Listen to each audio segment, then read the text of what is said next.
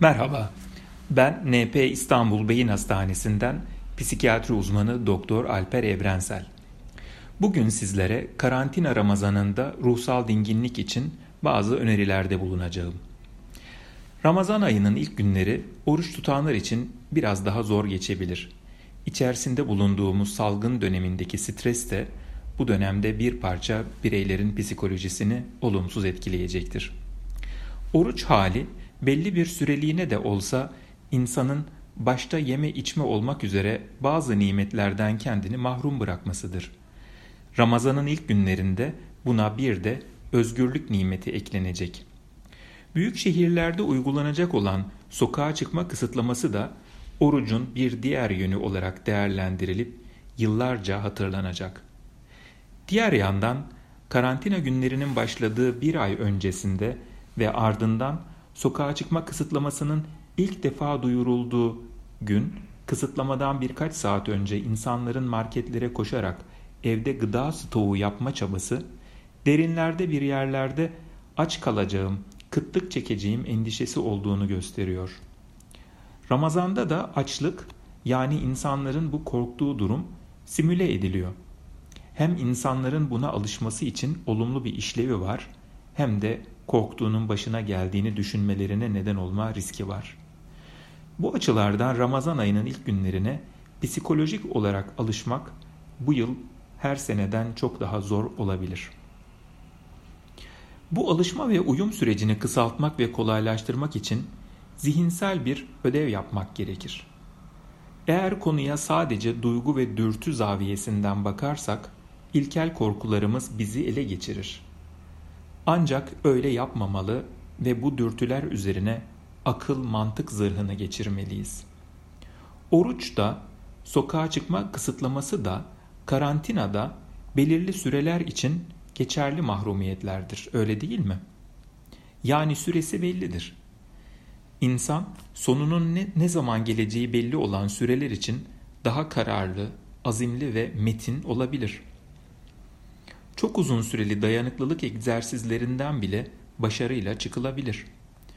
Örneğin maraton koşusu çok zordur ama koşucu tüm hazırlık dönemi boyunca 42 kilometre koşacağını ve bunun yaklaşık 2,5 saat süreceğini bilir. Apollo 11 Ay'a iniş görevi insanlığın üstesinden geldiği en büyük başarılardan biridir. Ayda geçirilen 2,5 saat için tam 10 yıl hazırlanılmıştır. Bunun gibi düşünecek olursak, eğer sonunda bir güzellik varsa, insan her tür zorluğa katlanabilir. İftarda güzel bir sofraya oturacağımızı bildiğimiz için de gün boyu açlığa katlanabiliriz. Bu yılki Ramazan ayı salgın nedeniyle farklı bir atmosferde yaşanıyor. İftarda insanı mutlu eden şey sadece güzel bir sofraya oturmak ve karnını doyurmak değildir elbette. Sofraya sevdiklerimizle oturmak da çok özel bir anlam taşır. Zira hiç kimse bir ziyafet sofrasına tek başına oturmak istemez, bundan keyif almaz. Sofrayı asıl zenginleştiren ve lezzetli kılan dostlarımızla yaptığımız sohbetlerdir. Ama bu Ramazan iftar sofraları bu açıdan buruk geçecek.'' Burukluğu bir nebze azaltmanın yolu ise gönüller bir olsun demek olabilir.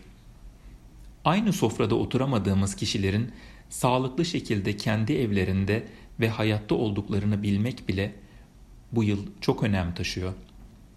Çünkü dünya üzerinde sevdiklerini kaybeden binlerce insan salgın bitip de karantina kalktıktan sonra bile onlarla birlikte hiçbir zaman aynı sofraya oturamayacaklar. Onların bu zor durumlarını ve ebedi mahrumiyetlerini düşünecek olursak sevdiklerimizden uzakta iftarlara gönül bir nebze katlanabilir. Karantina bittikten sonra çok daha yakın olunan bir dönemde sık sık bir araya gelineceğini düşünerek buna katlanmak mümkün olabilir.'' Açlık ve susuzluk beden için önemli bir stres kaynağıdır diğer taraftan. Bedenimiz sadece açlık ve susuzlukla fizyolojik olarak mücadele etmez. Aynı zamanda buna sabrederek de ruhsal olarak zorlanır. Sabır ruhsal sistemi zorlar ama aynı zamanda geliştirip güçlendirir de. Bunu spor yaparak kaslarımızın, bedenimizin güçlenmesine benzetebiliriz. Spor bedeni yorar ama güçlendirir. Ramazan ayında ortaya çıkacak stresin çaresi de yine Ramazan'ın içinde gizlidir. Oruçla geçen zamanın diğer ibadetlerin de içine serpiştirilmesiyle ruhsal dinginlik şeklinde yaşanması mümkün olabilir. Zira ibadet etmenin meditasyona benzer şekilde ruhsal yatışma sağlayan çok önemli bir işlevi daha vardır. Ayrıca sadece insanlarla değil, doğayla da entegre olmaya çalışılmalıdır.